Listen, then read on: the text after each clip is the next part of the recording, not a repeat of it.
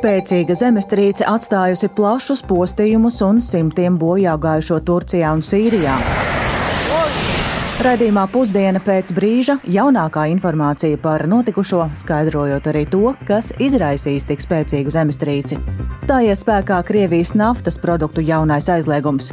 Kā tas ietekmēs degvielas cenas Latvijā? Pusdienā to ar ekspertiem skaidrosim plašāk. Un stāstīsim, kādus risinājumus turpmākajai stūra mājas pastāvēšanai piedāvās ēkas apsaimniekotājs valsts nekustamie īpašumi. Tam vajadzīgi miljoni. Lai namu sakārtotu ilgtermiņā kārtībā, līdz uh, piecu gadu periodā ir nepieciešama namam investīcijas aptuveni 14 miljonu eiro apmērā. Par to visu jau pēc brīža raidījumā pusdiena.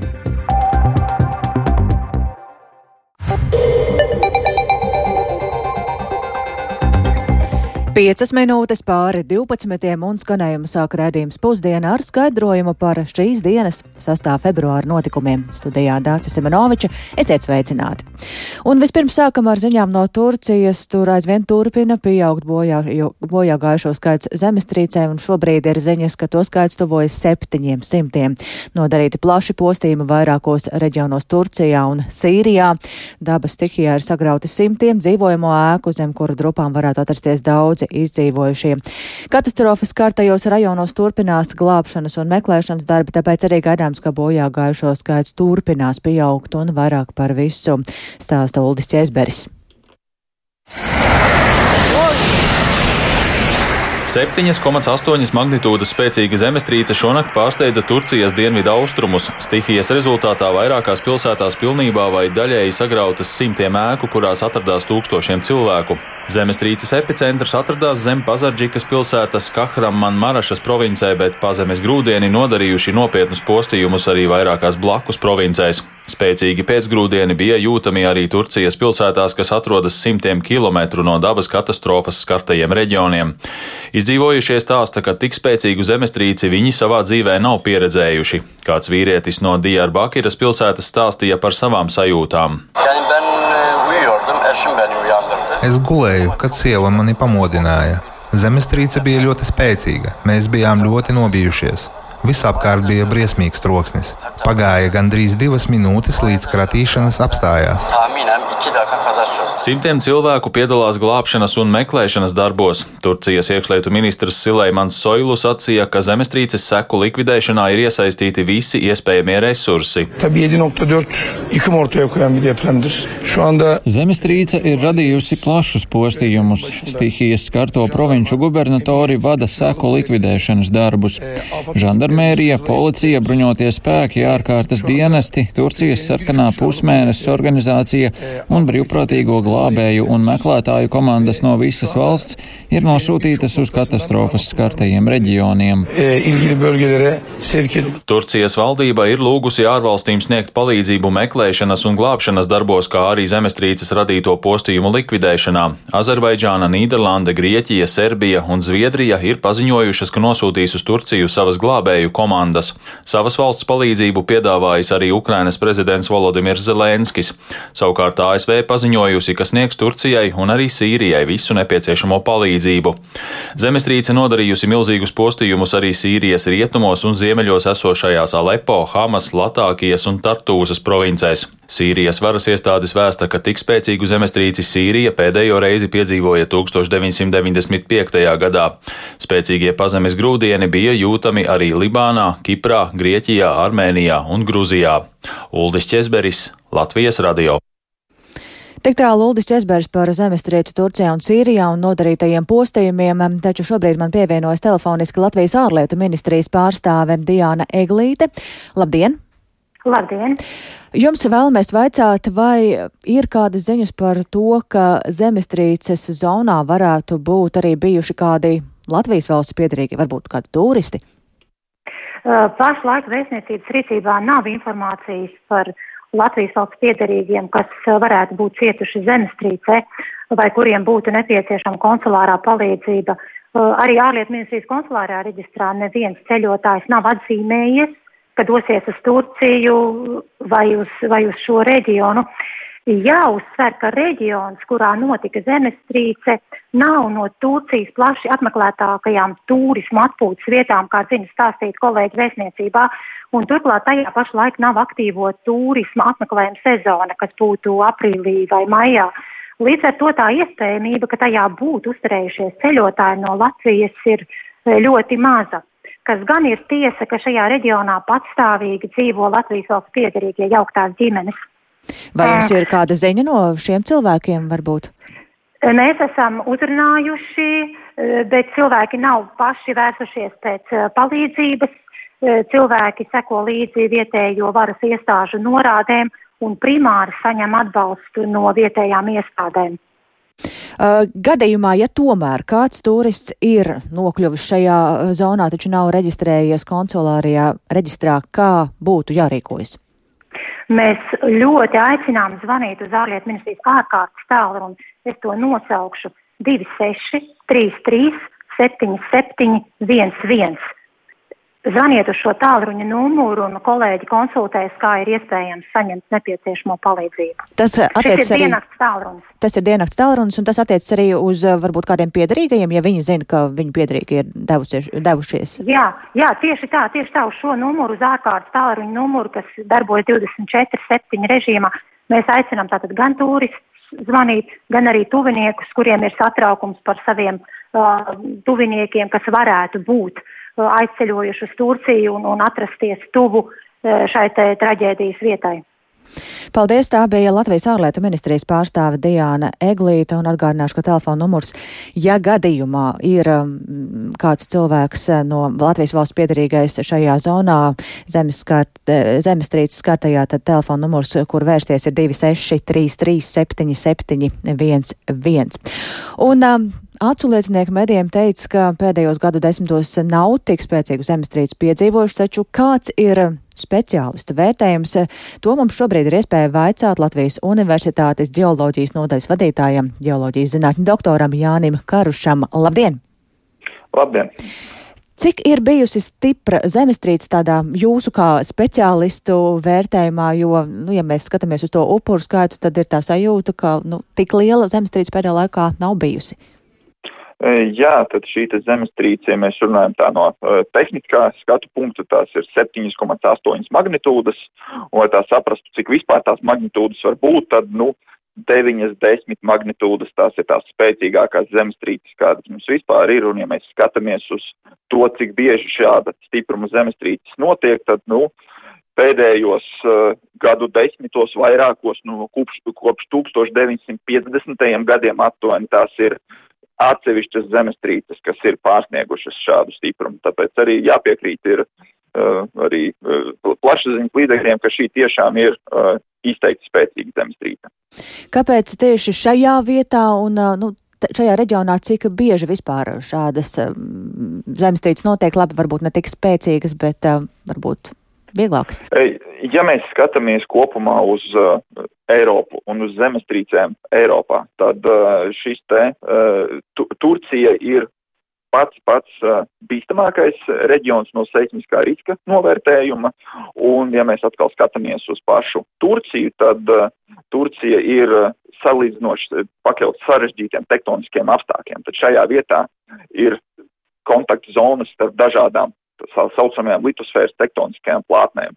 Un e, īpaši uh, seismiski aktīvas ir divas zonas, tad kur šī te Arābijas plātne sadurās ar Erāzijas plātni, faktiski tas ir šis te Austrum Anatolijas lūzums, kas ir aptuveni tur, kur ir e, robežojas Turcija ar Sīriju. Un šis arī ir šis lūzums, kura zonā notika šī zemestrīce. Otra tikpat bīstama zona ir Ziemeļanatolijas lūzums, kas atkal uh, iet gar visu Turcijas ziemeļu robežu. Un, un e, šo, uz šo te, šī austruma Anatolijas lūzuma arī noticis, noticis šis spēcīgākais satricinājums. Jāsaka, uzreiz, ja mēs skatāmies uz šiem zemestrīču novērojumu datiem, tad e, satricinājumi bijuši ir vairāki, uh, aptuveni 10 vai pat vairāk dažādu stiprumu. Protams, tas spēcīgākais bija 7,8 magnitūdas.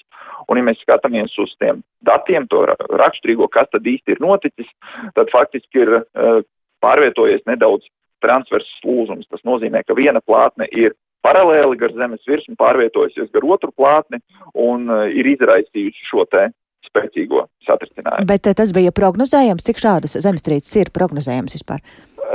Ir tā, ka mēs varam prognozēt varbūtību, ar kādu Eh, šīs zemestrīces var notikt kādā konkrētā reģionā un cik bieži viņas var notikt. Konkrēti pateikt, kurā brīdī šāda zemestrīce notiks, ir ārkārtīgi sarežģīti. Ir daži priekšvēstneši, kurus var mēģināt analizēt, bet kopumā mēs nevaram mūsdienās vēl aizvien precīzi prognozēt, kad notiks zemestrīce.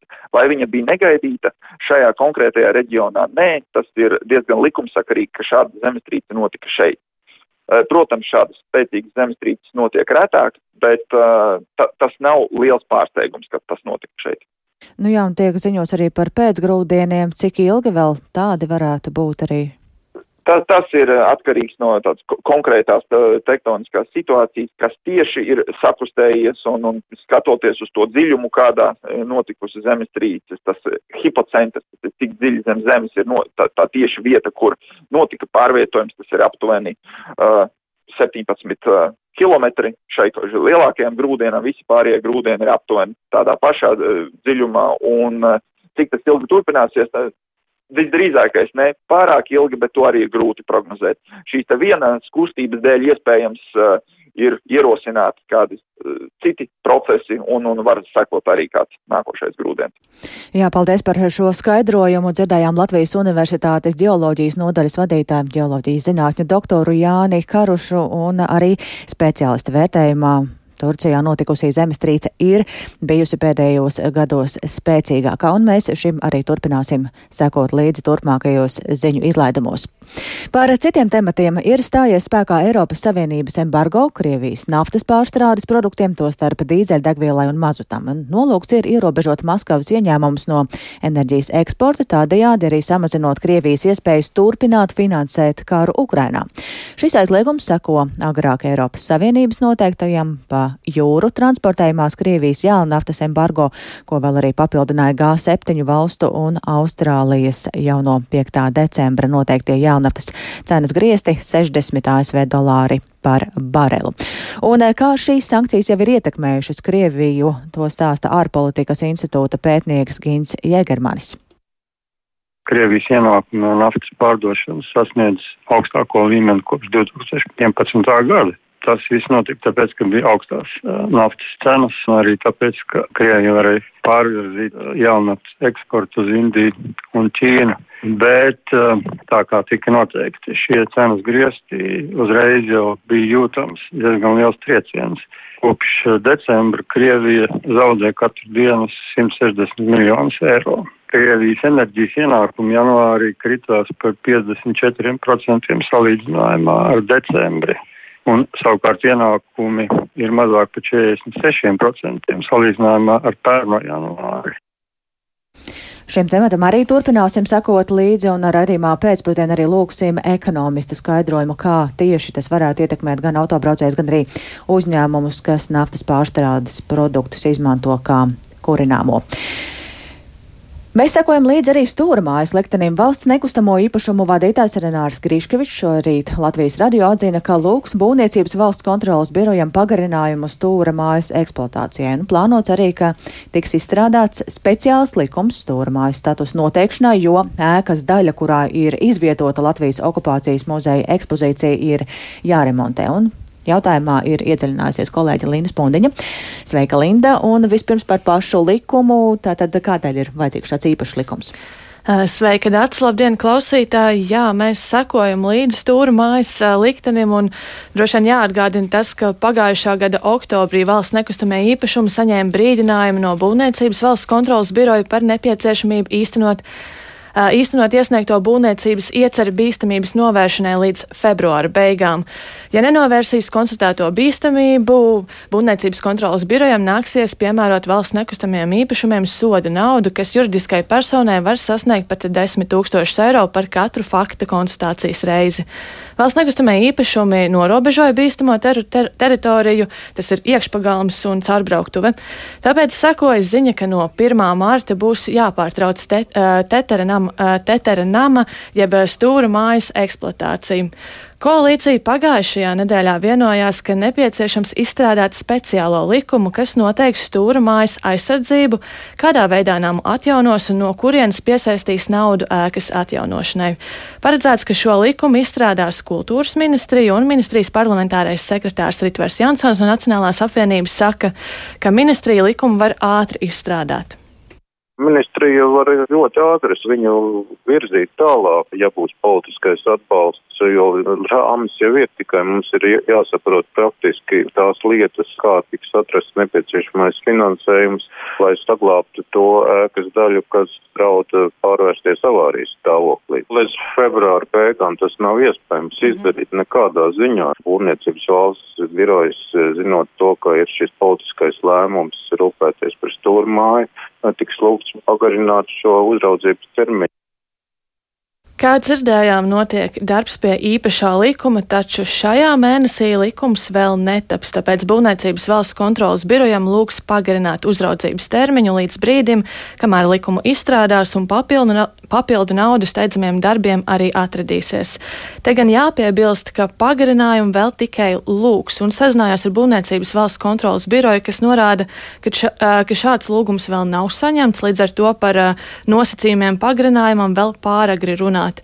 Būvniecības valsts kontrolas birojas saka, ka nosūtīs nekustamajiem īpašumiem pieprasījumu lūgumu sniegt atbildi par paveikto un turpmāko rīcību līdz 16. februārim. Un, ja runājam par naudu, tad cik daudz naudas vajadzēs stūrmājas remontam? Jā, valsts nekustamo īpašumu valdes priekšsēdētājs Renārs Griškavits šorīt Latvijas radio teica, ka daudz naudas vajadzēs ieguldīt līdzekļi būs nepieciešami gana lieli. Mēs runājam par aptuveno summu 300 tūkstoši eiro, lai sakārtotu pagalma pārsegumus, bet eh, šis ir īstermiņa risinājums, jo jau pēc gada nepieciešams būs papildus investīcijas, lai sakārtot namā ugunsdrošības sistēmas. Tādēļ mēs runājam, gada laikā nepieciešamās investīcijas aptuveni 700 tūkstoši eiro apmērā.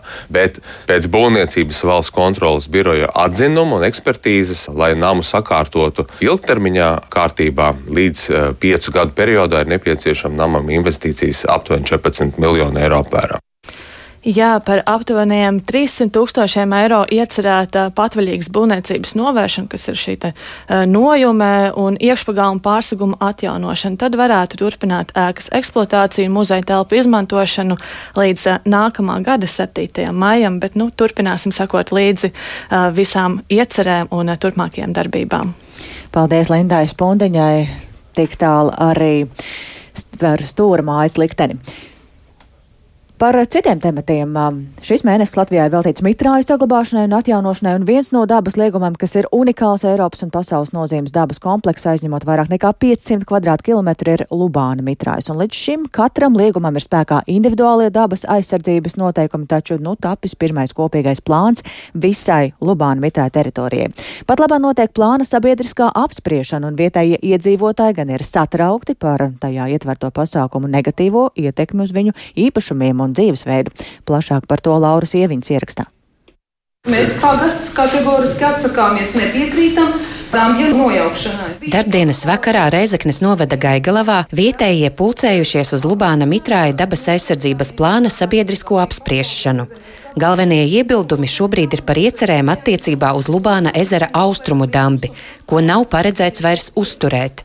Savas bažas pauž pagasta pārvaldes vadītāja Valentīna Puste. Tur ir turisma objekts. Tur ir e, bioloģiskās pļavas, kuras tiek apsaimniekotas. Plāna izstrādē iesaistītie eksperti secinājuši, ka austrumu dambis būvēts nevis aizsardzībai pret plūdiem, bet gan zivju dīķu vajadzībām. Dīķi vairs netiekot apsaimniekoti, tāpēc nesot nozīmes ieguldīt miljonus dambja uzturēšanai. Tas ļautu pakāpeniski arī atjaunoties dabiskajam Lubāna krastam. Viņš melnrakstu variantā tā ir iekļauts. Un uh, jūs varat pret to iebilst. Un, uh, mēs iebilstam. Jā, mēs iebilstam. Mēs par to austrumu dāmbi vēl var komentēt. Lūdzu, pacelt rokas visiem, kur iebilst pret šo punktu. Jā, nu šeit ir lielākais vairums. Dabas aizsardzības plānu izstrādās SIA Enviro projekts. Īpaši aizsargājamā teritorija skar Rēzeknes, Balvu, Madonas, Varakļānu un Gulbenes novadus.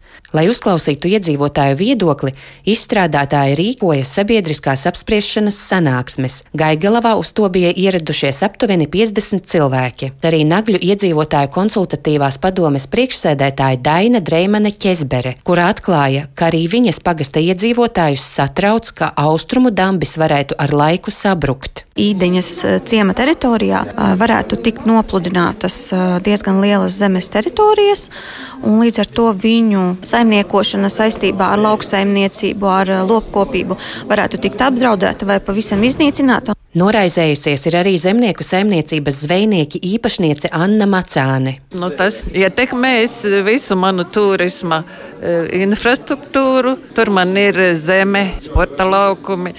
Tur man ir divas ēkas. Savukārt mednieki nepiekrīt paredzētajam pelēkā vilka medību aizliegumam, stāsta Latvijas Mednieku Savienības valdes priekšsēdētājs Jānis Baumanis. Latvijā ir 2017. gadā vidas ministrs apstiprinājis pelēkā vilka sugas aizsardzības plānu, plāns skaidri un gaiši pasaka, ka aizsargājamas teritorijas vilkiem Latvijā veidot nav liederīgi. Medību kluba meža brāļa vadītājs un ilgadējs Latvijas valsts meža darbinieks Viktors Reblis satraucas nevien par medību ierobežojumiem, bet arī par meliorācijas grāvju aizbēršanu. Un, ja es redzu, ka teiksim, manā medību objektā grib aizbērt mežulnies upīti, jau šobrīd uz saimnieciskajā mežā bērzi krīt un pūst. Ja vēl to lietu izdarīs, nu tad, tad, tad būs pagalam tam visam saimnieciskajam mežam, kas notiks tur ar laukiem, cik stipri pacelsies gruntsūdens līmenis. Nu, es redzu, ka šie pētījumi nav veikti. Ja redzam, ka nav izvērtēts šis līdzsvars starp dabas un, un cilvēku vajadzībām, protams, mēs varam rosināt, pārskatīt un plānu izstrādātājiem vēlreiz pamatot to priekšlikumu. Varbūt kaut kas ir jāmaina. Atzīst dabas aizsardzības pārvaldes pārstāve Gita Strode. Pārvalde ir šī plāna izstrādes pasūtītājs. Tāpēc ir tās sarunas un diskusijas. Un tikai tad, kad nu, visas puses ir vairāk vai mazāk apmierināts ar to rezultātu, tad tas dokuments tiek virzīts tālāk uz Vides aizsardzības reģionālās attīstības ministriju. Neraugoties uz asajām debatēm, pēc sanāksmes uzrunātie izteica cerību tapt sadzirdētiem. Plāns tiek izstrādāts 12 gadiem un paredzēts, ka tas stāsies spēkā jau šī gada vasarā. Izteikt viedokli un sniegt priekšlikumus iedzīvotāji var līdz 8. februārim. Laura Ieviņa, Latvijas Rādio studija Latgalē. Un raidījuma pusdiena noslēgumā pievēršamies sportam, tāpēc man studijā pievienojas sporta pārzinātājs Māris Bergs. Latvijā turpina viesoties Startautiskās paralimpiskās komitejas prezidents Andriju Pārsons, kurš šorīt arī tikās ar valsts prezidentu Egilu Levitu un viņa kundzi, par ko šīs sarunas un kas vēl ir ieplānots viņam. Jā, sveika, Dārcis, sveicināti klausītāji. Šorīt tiešām notika Andrija Pārsona ieplānotā tikšanās ar Egilu Levitu. Galvenā apspriestā tēma šajā tikšanās reizē bija paralimpiskā sporta centra nepieciešamība Latvijā. Latvijas sportā tas ir tāds mūžīgi sāpīgais temats. Visiem ļoti labi apzinoties, ka ir nepieciešams sakārtot infrastruktūru un pieejamības jautājumus, lai paralimpiskajiem sportistiem nodrošinātu normālus tādus pieņemamus treniņu apstākļus, bet plašāk par šī rīta tikšanos stāsta Latvijas Paralimpiskās komitejas vadītāja Daiga Dadzīte. Viens no lieliem jautājumiem arī bija šis mūsu paralimpiskais sporta centrs, ko mēs nepārtraukti vēlamies tā teikt, pastāstīt, kādēļ viņš ir nepieciešams. Un, uh, mums ir tāda mazā cerība, ka Andriju personas varētu pastāstīt tā riktīgi, kārtīgi visiem, jo citādāk neviens mums te īsti neuzklaus un nesaprot. Ja viņš pats ir uzcēlis, tad, kad viņš bija Brazīlijas Paralimpiskās komitejas prezidents, viņš pats ir uzcēlis šādu centru San Paulo, Brazīlijā. Un, protams, ka viņš māk izstāstīt, kā tas strādā un kāpēc kaut kas tam līdzīgs ir nepieciešams. Nu, un, protams, arī par finansējumu un par mūsu mūsu atlētiem, vieglatlētiem un vispār sportistiem. Tā kā bija foršas sarunas. Tas par šo tikšanos vai Paralimpiskās komitejas prezidentam dienas kārtībā vēl kādas īpašas tikšanās uh, ar Latvijas amatpersonām? Jā, šodien pēcpusdienā viņam vēl ieplānota tikšanās ar izglītības un zinātnes ministrijas amatpersonām, proti ar ministri Āndu Čakšu no jaunās vienotības, kā arī ar galveno sportierēni valstī Edgaru Severu. Arī tur apspriedīs šos pašus tematus, kas saistīti ar paralimpisko sportistu treniņu apstākļiem un arī finansiālajiem jautājumiem. Nu, un tāpat turpmāko dienu laikā vēl ieplānotas vizītes arī pie pie ministru prezidenta Krišjāņa Kāriņa un arī citām valsts augstākajām amatpersonām. Pārsons jau ir apskatījis Siguldas bobsleju un kamaniju trāsi, tur viņš iepazinās ar parabobsleju, tikās arī ar Latvijas parabobslejistiem, nu pat par pasaules vicečempionu kronāto Artūru Klotu, tāpat viņš tikās arī ar Alvilu Brantu, un, kā izteicās Daiga Dadzīte, tad šis sporta veids tuvākā vai tālākā nākotnē varētu parādīties arī Ziemas paralimpiskajās spēlēs, bet uh, To mēs vēl redzēsim. Tāda tikšanās vēl turpinās. Viņam vēl divas dienas Latvijā, bet man tas pagaidām arī viss. Jā, un pavisam īsti, cik nozīmīga šī tikšanās, arī kādi lēmumi varētu sakot. To mēs vēl redzēsim, bet katrā ziņā tik augstas amatpersonas ierašanās Latvijā, tas, protams, ir nozīmīgi un svarīgi tieši paralimpiskā sporta kustībai. Paldies Mārim Bērgam par šo, un ar to izskan raidījums pusdiena.